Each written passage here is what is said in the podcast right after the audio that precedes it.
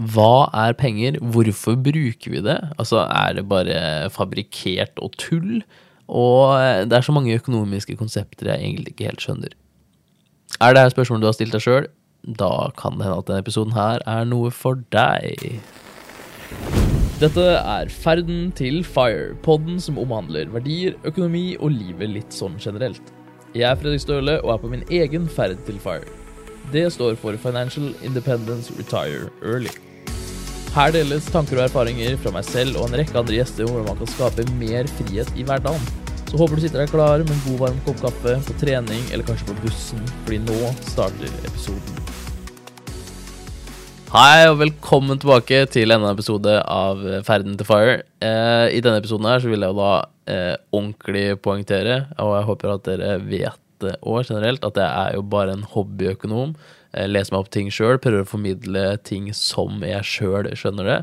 Eh, og jeg har heller ikke noen økonomibakgrunn, ikke sant. Og så, så denne episoden her skal jeg prøve å forklare økonomiske konsepter, hvordan jeg ser det. Så ta det da gjerne også med en klype salt, og gjør egen research. Jeg har lyst til å lage en liten miniserie om penger, penger generelt, eh, hvor det her da blir første episode. Eh, og det her handler jo da om hvordan penger fungerer. Og så får jeg liksom se litt hvordan jeg trapper det videre. Men jeg ønsker liksom at folk skal forstå penger litt mer sånn helhetlig. Jeg beklager også om jeg er litt snufsete eller høres ut som jeg har sett i nesa. Jeg er litt sånn småsjuk når jeg spiller inn den her, så dere får bare bære med meg. Og jeg var ikke så fornøyd med første innspilling av denne episoden her, så jeg spiller inn på nytt. Så da får jeg ikke moderne media til å hjelpe meg med miksinga, så håper lydkvaliteten er god nok. Hvis den ikke er det, så beklager jeg veldig. Så i denne episoden her så skal jeg ta dere med på et fabrikkert scenario som jeg lager for å prøve å, få, å formidle økonomiske konsepter. Og så skal jeg også da dra inn andre nyttige ting. Så jeg håper det her skal være forståelig og fordøyelig for også folk som syns økonomiforståelse er vanskelig. Så håper jeg også det er interessant da for dere som kan en del. Men skal ikke kaste bort tida deres mer, la oss hoppe rett i det. Forestill deg at i første omgang så er du en del av en enhet. La oss si en familie. I denne familien så passer vi på at eh, alle får det de trenger. Du kan gjerne forestille deg her i en helt annen tidsepoke. Gjerne litt sånn i gamle dager. Da blir det kanskje litt lettere å forestille seg. Eh, vi kan si at eh, din familie er på et småbruk, og for å få gården til å gå rundt, så har alle sammen ulike roller. Folk har en intensjon om at alle skal ha det bra. Altså alle medlemmene i familien. Alle gjør sin jobb, og alle kan være til nytte for noe, men noen gjør kanskje mer enn andre. Men får alt til å gå rundt. Her er jo hensikten at alle skal overleve. Det er kanskje ikke helt forventa at eh, junior på to år skal gjøre like mye som pappa, eller spedbarnet skal gjøre like mye som mamma, men eh, her skal vi passe på at alle sammen har plass å bo, mat, klær, varme osv. osv.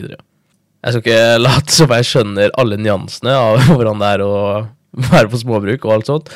Men jeg håper vi kan gjerne visualisere oss en sånn setting hvor vi er med familien vår. I denne situasjonen så bryr vi oss nok om hverandre, eller dere, da, siden dere er en familie. Og det er helt ok for deg å jobbe litt ekstra eller avlaste noen andre som ikke har lyst til å gjøre en annen oppgave eller føler seg dårlig. Altså Her er jo hensikten at fellesskapet skal lykkes overleve og ha det bra. Jobber som et team, Uh, for, for, en bedre tilværelse. Høres ut som jeg nesten sponser Farmen her. Men ja. Men la oss uh, ekspandere det her bitte litt. Uh, ditt bruk har gode solforhold og har relativt flatt område med dyrkbar jord, så her gir det mening for dere å dyrke masse grønnsaker. Men siden grønnsakene ikke holder seg ekstremt lenge, altså man kan jo bruke visse preserver preserveringsmetoder, men, men det holder seg ikke langt over mange år. Så det gir ikke så mye mening å overprodusere dette. Så man ønsker jo egentlig bare å produsere det dere selv trenger, for å planlegge at dere klarer vinteren og hele den pakka der, men trenger egentlig ikke noe mer enn det. Så da kan dere bruke overskuddstid til å prøve å få skaffe andre eh, ting, da. La oss si fisk. Dere må stikke ganske langt, og det er ganske tungvint å få tak i fisk for dere. Men jeg, jeg og min familie, vi, vi, bor et stykke unna, men vi bor ganske nærme vann, og vi har blitt ganske gode på fiske. Så vi skaffer oss eh, ganske lett fisk, og ganske eh, mye fisk også hvis vi har muligheten til det, med overskudd. Eh, og det her er vi flinke på. Men der hvor gården vår er, eller småbruket, så har vi ikke så gode solforhold, og vi klarer ikke helt å dyrke så mye grønnsaker. Så det her gjør til at eh, vi slår oss litt sammen. Eh, dere dyrker litt ekstra grønnsaker, mer enn det dere trenger, sånn at vi kan få overskudd der. Og så kan vi fiske på det vi er gode på. Så slipper vi å gjøre det vi er dårlige på hver. Og så kan vi dele overskuddet med hverandre. Så kan vi gjøre mye mer effektivt arbeid og få mer tid til familie og annet vi har lyst til. Her er jo insentivet at det er mye mer effektivt og bedre for oss begge å bytte enn å skaffe alt sjøl.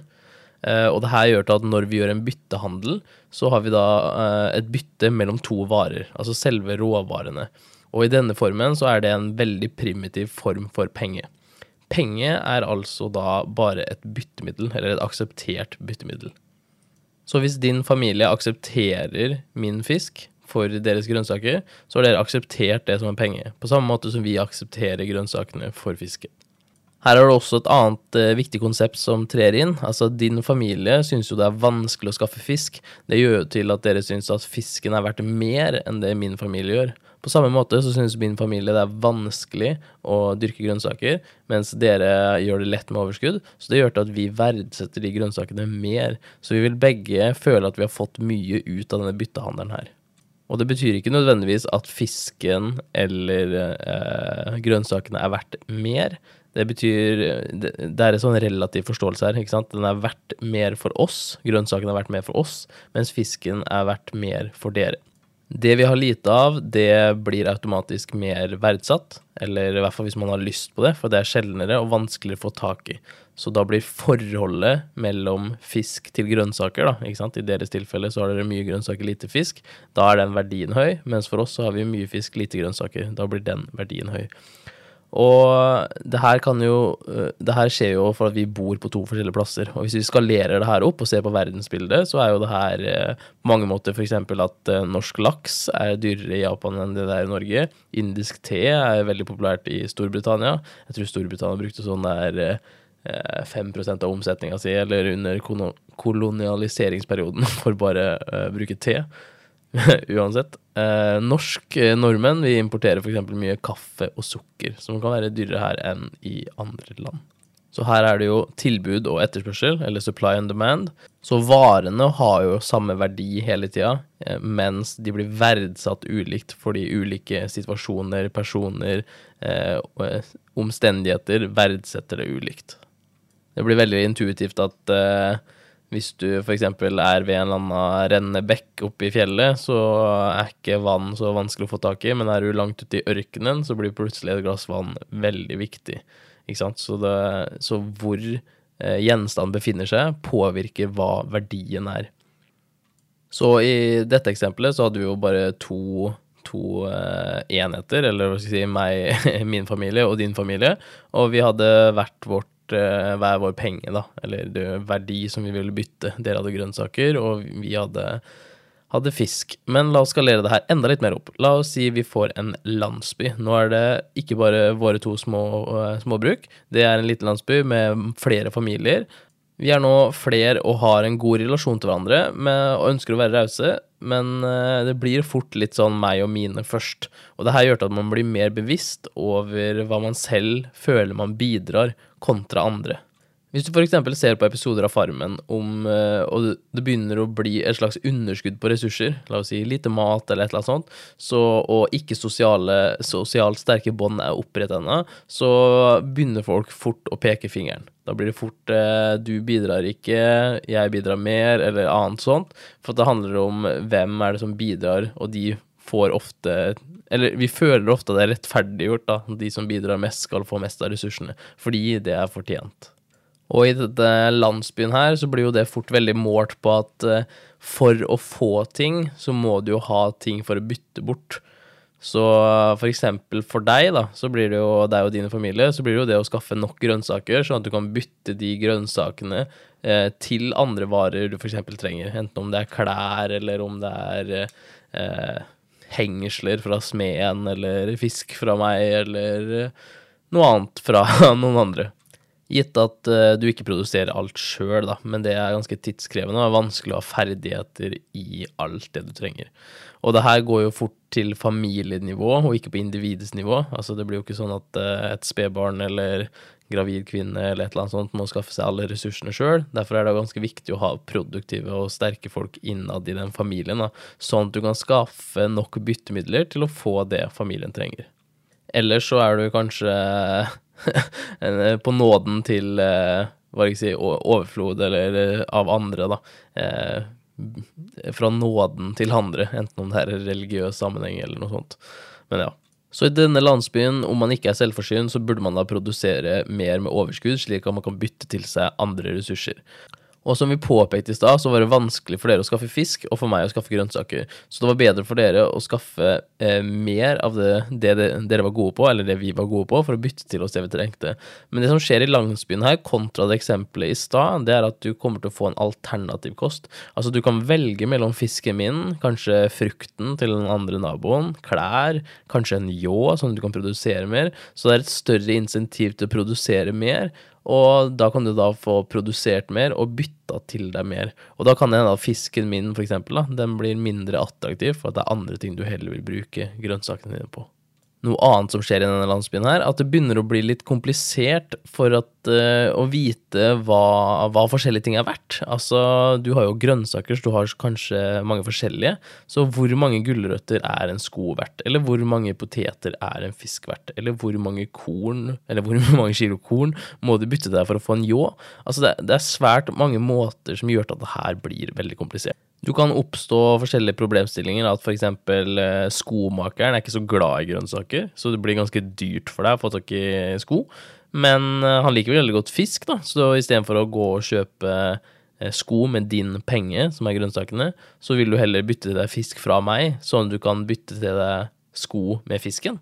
Og da begynner ting å bli ganske tungvint, for da må du gå sånne loops da, for å få ting til å gå rundt. For det er jo ikke sikkert at noen vil ha den eh, gjenstanden du vil selge. Så her går det an til å bruke masse forskjellige ting som en slags felles enhet, sånn alle sammen bytter via noe. Og tradisjonelt sett, i tidlig tid, så er det brukt råvarer som alle har bruk for. Ikke sant? Så for eksempel ris, da. Altså nå hoppa vi plutselig rett over til Asia, vi får bare leke med det i det tankeeksperimentet her. Men da kan du ha så og så mange kilo ris, da. Og selv om da kan du bruke ris som både eh, noe å spise, siden det har en verdi for deg uansett fordi om du ikke får solgt den bort, så kan du i hvert fall spise den, i motsetning til kanskje naboens fele. Altså, den kan jo, den kan jo hende at du ikke får bytta bort senere. Altså, nå er vi i en veldig sær situasjon her, hvor vi er i Asia, dyrker ris og har feler, men ja. Uh, bear with me, please. Så jeg nevnte kjapt i stad at penge er et akseptert betalingsmiddel. Uh, men vi ser fort at risen er mye mer nyttig enn f.eks. feler. Så uh, det er ikke det er ikke så lett å definere hva en penge er, men man har tre kriterier man ofte bruker for å, eh, som man kan tilfredsstille for å vite hva en bra penge er. Én, det er at den fungerer å bytte med. Her så kan jo det meste byttes, så jeg kan jo gi bort fela, jeg kan gi bort ris, jeg kan gi bort hva som helst. Eh, så veldig mye kan bare brukes som en penge, så lenge den andre parten aksepterer den, for da blir den da regna som en penge. Nummer to, her er det en regneenhet, og her merker vi fort forskjell. Risen, for eksempel, den er veldig lett å stykke opp. Er, du kan få veldig mange fine korn, så du kan ha mye forskjellig vekt.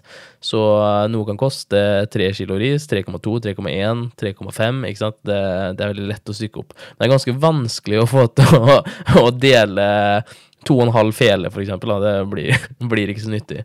Og her er jo for eksempel risen også mer fleksibel enn det poteten er. Selv om poteten for eksempel også er bra, men risen er mer finkorn. Den tredje, det er verdioppbevaring.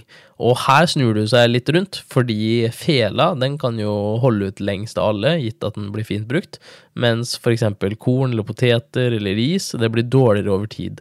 Så, og her har du også penger, da, eller verdier, som kan stige i verdi.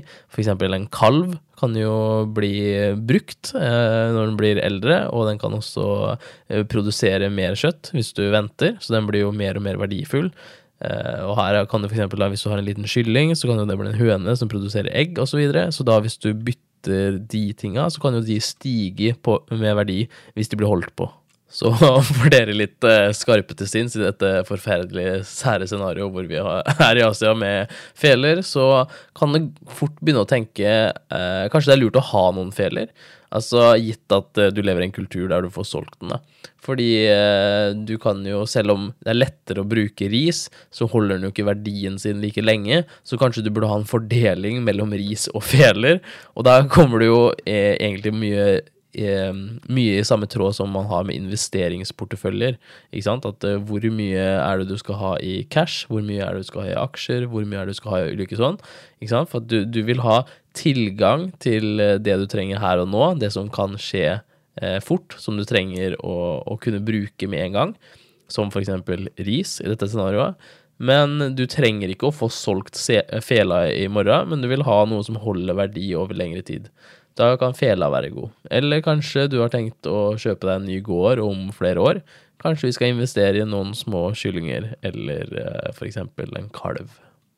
Vi snakket kort om i stad om eh, hvis man får et økt behov eller et ønske, så øker også prisen eh, som regel. Folk er villige til å betale da, for den gjenstanden. Og la oss si at vi gikk at landsbyen vår, da, vi har bestemt for oss at Eh, ris blir vår penge. Det er vår råvare, som blir liksom den felles uh, greia vi bruker. Men det, det, her er jo en forbruksvare. Så det her vil bety at uh, risen, hvis det er hovedpengen, så betaler vi jo gjennom den, men vi tar jo også og spiser den, og det kan også bli dårlig. Det her vil jo også påvirke påvirkes av at noen år har vi skikkelig god høsting, så vi får ganske mye ris, og andre år har vi ganske dårlig, så vi får ganske lite ris.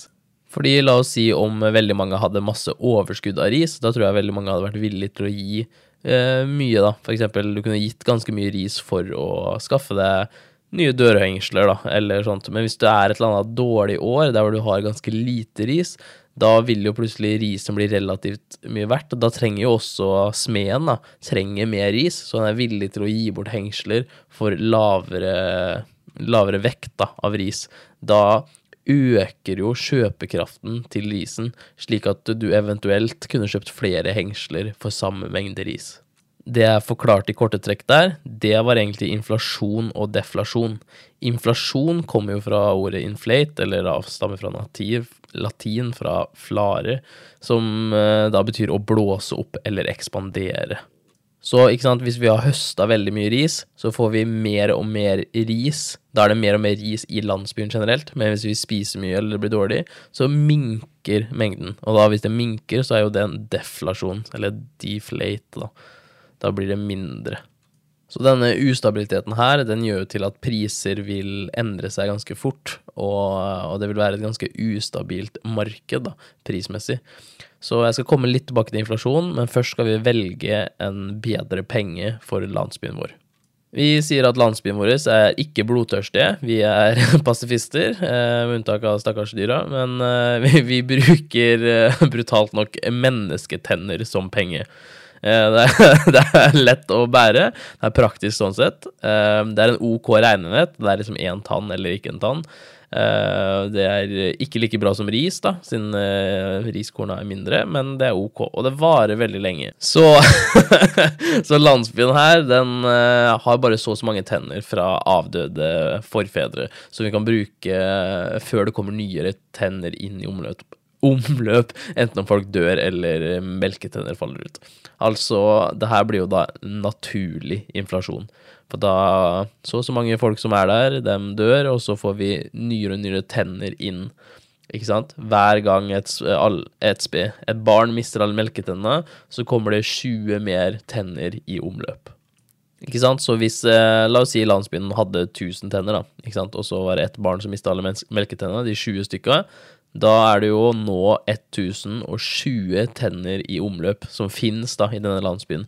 Det betyr jo at eh, verdien av hver tann relativt til de andre varene som er her, de har da gått ned. Da har det blitt en inflasjon i pengen vår.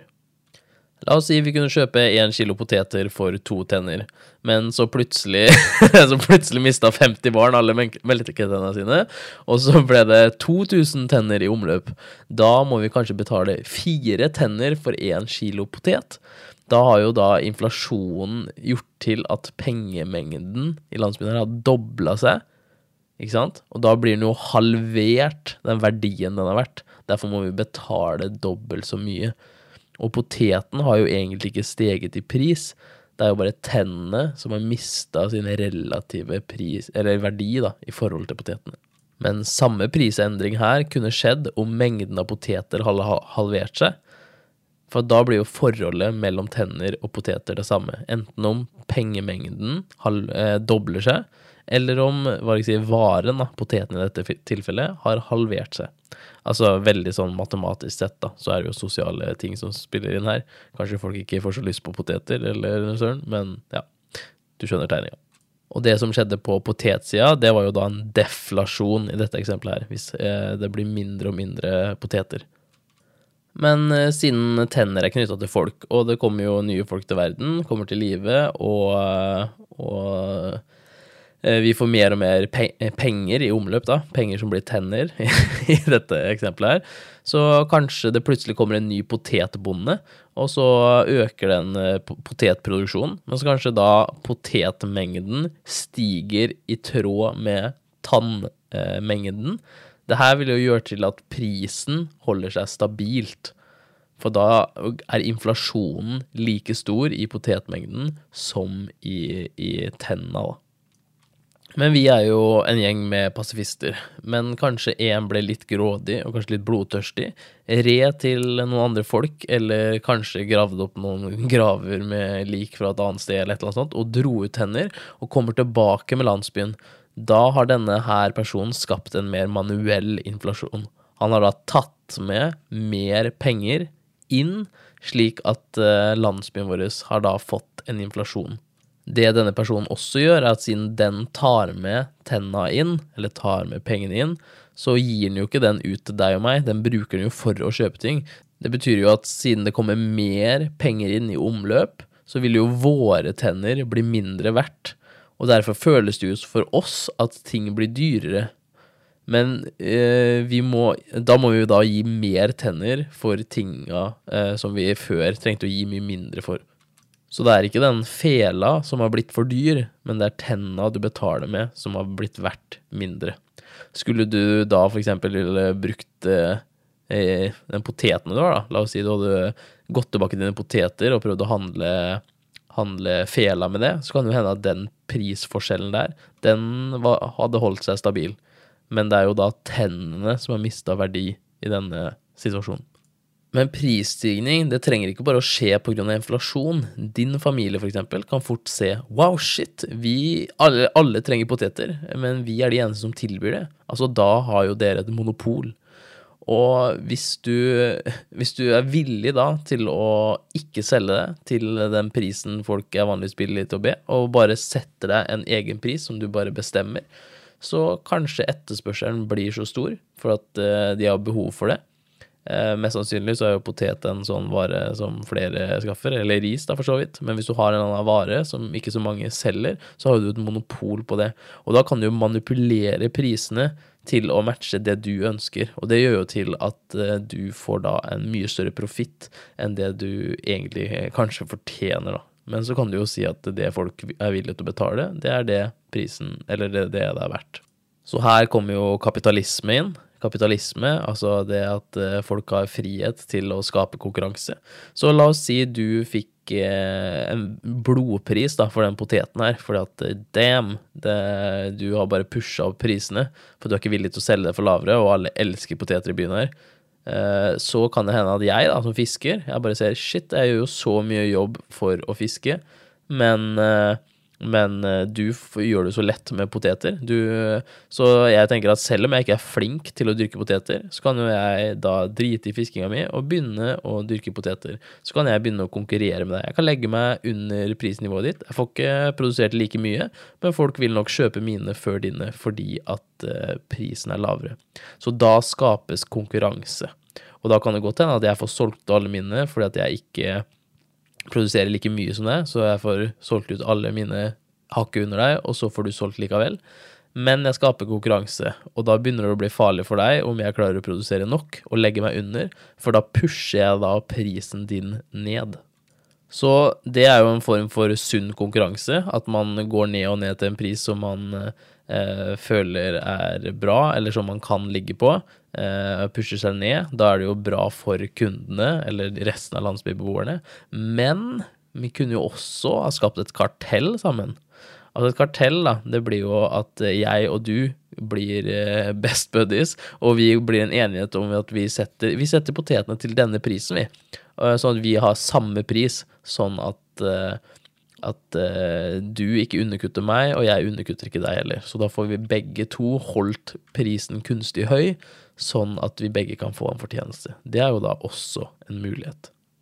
En annen måte du kunne kommet inn på markedet, er jo at, uh, å produsere bedre uh, poteter enn meg.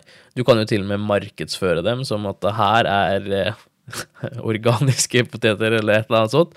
Og så blir det kanskje et statusmerke i byen. Så, så potetene har ikke da en innboende merverdi enn minne, men det har en statusverdi. Tenk merkevare, for eksempel. Klærne er ikke mer verdt, men bare pga. at den har den lille logoen. Hm, er den da verdt mer? Ja, den er vel kanskje det, hvis du er villig til å betale for det. Jeg skal snakke mer om eh, markedsføring og muligheter som vi blir lurt når jeg lager en episode på konsumerismen. Så det er bare å glede seg. Jeg elsker det temaet der. Det kan hende at du også er litt eh, forvirra i forhold til inflasjon og tenker prisstigning, og jeg kan skjønne det, men eh, jeg mener i hvert fall at eh, Norge har en tendens til å si Bruke konsumerprisindeksen som inflasjon, men det er jo egentlig feil. Litt kjepphøyt å si, kanskje, men konsumerprisindeksen den går jo egentlig bare ut ifra hvor mye hverdagsvarer og sånt eh, stiger i pris for Ola og Kari Nordmann i et eksempel. Men det har jo ingenting eh, Eller det har noe med pengeflyten å gjøre, eller hvor mye penger det er i omløp, men det har ikke bare det. Det blir også påvirka av prisfaktorer.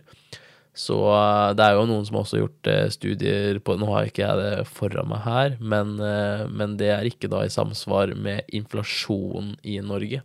Så i Norge så blir jo Av en eller annen grunn så har det blitt et uttrykk som heter infla, eller prisinflasjon.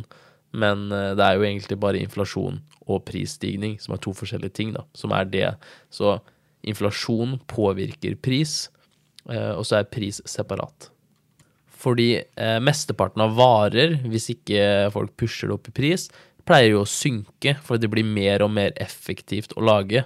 Altså, jeg vet ikke om dere kan huske Og så klart hva dere kan huske. Eh, PC-utstyr eller et eller annet, eller eh, hvor dyrt er det visse ting kosta i starten når ny teknologi kom, og så har man på en måte finpussa det, fått laga det bedre, og så blir det billigere og billigere. Hvis du sammenligner mobil med i fra ja, bare si, ti år siden til nå, så så klart eh, mobiler kanskje har steget i pris, men hvis du skulle kjøpt mobil med samme spekk som det var for ti år siden, den er jo mye billigere. Og mye annen teknologi blir jo bare billigere og billigere og mer tilgjengelig. Men hvis prisen stiger, så er det ofte da at inflasjonen stiger mer. Så ofte så vil jo en vare bli produsert, Eh, en sånn testmodell eller et eller annet sånt, og så vil jo den synke i verdi ettersom den blir mer effektivt å lage den. Eh, man blir flinkere til å lage det og gjør det, gjør det mindre kostnads... Eller gjør det mer kostnadseffektivt. Og så kommer du til et punkt hvor det på en måte har kommet til sin si, eh, beste pris, og da vil varen igjen øke i verdi, da, fordi at da holder jo egentlig varens verdi seg stabil, men så blir jo penge, pengene i omløp større ved inflasjon, så da vil det føles ut som den stiger. Jeg skal komme også tilbake til litt eh, hvordan de ulike tinga fungerer i samfunnet. Denne episoden her er litt mer lagt opp til hvordan å forstå konseptene. Ja, tilbake til vår kjære landsby. Hvis vi skalerer opp enda litt mer, la oss si at eh, eh vi var i en dal, da. Og denne dalen her hadde ikke så mye mer plass, så folk måtte flytte. Så noen tok og dro fra landsbyen vår til dalen ved siden av, og begynte å lage et hjem der. Og den landsbyen der, den ble faktisk større enn vår, men siden det var eh, fraflyttere fra vår landsby, så følger de samme systemer. Altså, de bruker samme penger som oss. Men siden det er en annen lokasjon, så har det jo eh, et annet forhold.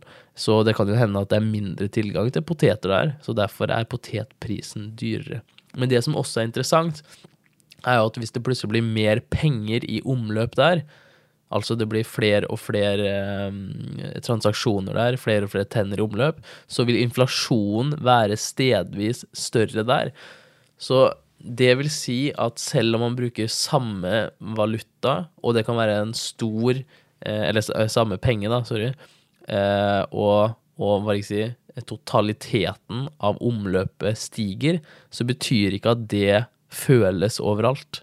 Og hvis du skal relatere det til vårt eh, til Norge, da, så hvis du bor i et mindre tettsted, så er det ikke sikkert at du føler inflasjonen i Norge på samme måte. Fordi det er mer omløp og mer innflyt av penger i f.eks. Oslo, som gjør at de prisene der vil stige mer. Det er også det reflektert i f.eks. boligpriser eller matvarepriser eller annet. Så kan det så klart være matvarer som produseres i Oslo og skippes ut. Da vil jo inflasjon i Oslo f.eks. og annet påvirke andre steder. Men jo mindre tilknytta de er til hverandre, jo mindre vil de påvirke hverandre, selv om inflasjonen i det totale pengemarkedet øker. Eller deflasjon, for så vidt. Om vi skalerer det her enda litt større, la oss si på andre siden av sjøen, der er det en annen sivilisasjon. Eh, de bruker en annen penge enn oss. Ja, hva skal de bruke? Det er litt morsomt å se hva ulike sivilisasjoner opp igjennom har brukt som penge. Eh, det mest primitive, og som folk begynte med, er jo råvarer, som vi snakka om. Enten noe du spiser, eller noe du bruker. Eh, Men det er mange andre gode former, da. Mest, eh, mest så er det jo luksusvarer. Ting man ikke må ha, siden det påvirker da inflasjon veldig. Men uh, ting man ønsker å ha, da. Og det er for eksempel mye som er brukt, det er jo for eksempel alkohol, tobakk uh, og, og mye annet, da. Men hva, hva tror dere er brukt mest? Og er du som meg, som uh, gull og sølv, da tar du helt feil. Eh, det er faktisk noe eh, cowrie shell, om det er sånn man uttaler det. Eh, for at på den tiden så det, det er skjell som var litt vanskelig å få tak i, så det kom ikke så mye. Og de var veldig små, og de var veldig lette å ha med seg. Så det var, det var veldig naturlig. De, de er også ganske pene, så de ble også brukt som smykker. Så på den tida så, så jo ikke folk verdien i gull, for det var jo de smykkene man heller eh, pynta seg med, da. Så de skjella der. Eh, og det er jo ganske nyttig òg, for du kan jo lage eksempel, la oss si armbånd da, som er, består av ti skjell, og kanskje et halvskjede som består av 100 skjell. Da kunne du begynne å si at ja, den her koster eh, fem armbånd, et halvskjede og tre skjell, eksempel. Da har du en veldig god regneenighet. Det holder sin verdi, og det er veldig lett byttbart. Det er faktisk eh, veldig mange morsomme eh, former for penger rundt omkring. Eh, Det er en øy som heter Japp, og der brukte de for, for lenge eh, sånne kalksteiner som de de hadde liksom skåret ut i sånne donutformer. Altså skikkelig svære, da, som du ikke kunne bære engang.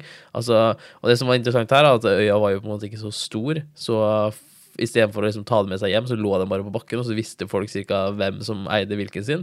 Og så bare sa man OK, nå er den din, eller nå er den din, ikke sant. Så ofte så sier vi jo nå at i dagens samfunn at eh, å, det er bare nylig at folk liksom ikke har liksom hatt fysiske penger og sånn foran det. Ja, det er fysisk eksisterende på den Jappøya òg, men de hadde jo ikke med seg. Og det som også er veldig interessant, er at uh, når den ble ferdig med all kalksteinen på den øya den bodde på, så måtte den skaffe mer kalkstein fra andre øyer. Og så var det en gang hvor de skulle seile tilbake til øya, og så mista den en sånn svær stein da, som lå langt ute i havet. Og, og da fant de ut at ja, men siden vi ikke flytter dem uansett, så teller vi den, da. Og da ble den da brukt. Så det er flere århundrer hvor den steinen som ingen hadde sett, som ble brukt i form av handler på øya. Så det er jo ganske interessant. Jeg lurer på om den har vært mer eller vært mindre. Det er jo ja, det er veldig kult. Men der har du da en, et ganske tidlig konsept hvor man ikke har trengt å holde pengene sjøl, men det er en mer sånn idé av penger. Og hele greia her blir jo med tenner og skjell, er jo også det at eh, penger blir en mer idé, for at tanna i seg sjøl, eller skjellet i seg sjøl, har nødvendigvis ikke en innboende skikkelig svær verdi, men det er mer en representativ verdi, fordi vi alle aksepterer det som et betalingsmiddel. Vi blir enige om at det har en verdi. Men tilbake til den nye sivilisasjonen. Den bruker da skjell, og vi bruker tenner. Og her begynner det å skje et problem, for hvis jeg begynner å gå over dit og prøver å bytte det med tenner, eh, eller kjøpe ting med tenner, så vil jo dem fort tenke hva i helsike, det her har jeg ikke bruk for i hele tatt. Men kanskje senere, når de skjønner at det er en sivilisasjon på andre sida av vannet, som er vår, som bruker tenner, da kanskje de begynner å akseptere det mer. Men her så vil jo da min penge, eller vår, da, vært mye mindre. For det er sånn som dem tenker, er jo at ok, hvis jeg aksepterer det her i disse tennene her, da, for at jeg skal få et utbytte av det her, for den har jo ikke en verdi i seg sjøl, så må jeg over på andre sida for å kjøpe noe, for å komme tilbake. Og jeg vet jo ikke hvor lenge den sivilisasjonen der holder ut. Det kan jo godt hende at den stryker med i morgen. Så, så, da kan det jo hende at du får kjøpt eh, Du får kjøpt med mye mindre verdi enn det kanskje pengene dine er verdt, da. Det som er interessant da, er jo at det er mer lønnsomt å bruke eh, dine penger på, i din sivilisasjon. La oss si du hadde kjøpt varer, da, spesielt varer som kanskje er sjeldent på andre sida, og tatt med det over, og så brukt det for å kjøpe noe annet. Da får du maks utbytte. Og, og da begynner det å komme liksom sånne interessante ting her, ikke sant. For at penger kan ha ulike verdier. Og det blir jo et forhold da, mellom en tann kontra et skjell. Og hvis den ene sivilisasjonen gjør det bedre enn den andre, så kan jo de eh, forskjellene eh, øke eller minke. Så eh, hvis du er en skikkelig spekulant, da, så kunne du jo for eksempel Ok, nå gjør den sivilisasjonen på andre sida det ganske dårlig, så du skaffer deg ganske mye skjell og så venter du til dem gjør det bra, og så kjøper du varer for det, og så, så får du det tilbake i tenner. Da er jo det en spekulasjon, og det er det her som er forex trading, eller foreign exchange. Og det er folk som eh, bytter valuta. Altså, og det her finnes det jo forskjellige botter på og sånt, men det her er jo folk som eh, kjøper en valuta og prøver å vinne på at valutaen endrer seg. Da er det jo en kurtasje her, da, med å liksom eh, eller et gebyr, da, med å endre, endre eh, valuta. Men, eh, men, det er fullt mulig å vinne penger på det. Så det er jo sånn det oppstår. Så klart den bruker tenner og, og skjell, da. Så i denne episoden så har jo dette vært en slags Eller det har vært en fabrikkert historie, hvor jeg har prøvd å, å formidle en del pengebasiskunnskaper eh, om, om økonomi eh, på en forståelig måte. Eh, og neste solepisode så lurer jeg på om jeg skal ta reell historie, og hvordan liksom penger har spilt en rolle, og hvordan det har forma seg gjennom tidene, og hvordan det har blitt brukt. Altså da ikke bare brukt som byttemiddel, men kanskje politisk brukt og på, på en større andel, og hva som har skjedd. Så at vi kommer da frem til dagens eh, hva si, verdensøkonomi, så man kanskje kan skjønne den litt bedre. Beklager igjen for en litt sånn snufsete stemme. Eh, jeg håper du likte hele denne episoden her. Setter alltid pris for å høre fra dere, enten om det er review, eller om dere skriver til meg på Instagram. Fredrik.stole. Svarer ganske flittig. Eh, setter stor pris på om du følger eh, podkasten, og gjerne del med noen du syns er nyttig. Jeg håper virkelig du lærte noe her. Og når vi er inne på lærdom, så som sagt Kunnskap gjør ingenting uten handling. Hva velger du å gjøre? Vi ses i neste episode.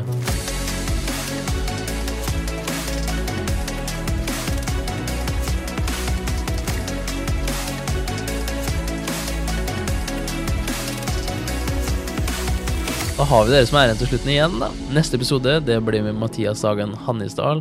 Han er en person med mye meninger, så det var veldig gøy å, å å snakke med han. Han hadde jo nødvendigvis ikke Fire som et sånn konkret mål heller, så han er en litt annen vinkling. Så det var en ganske interessant dialog. Så den er det jo da bare å glede seg til.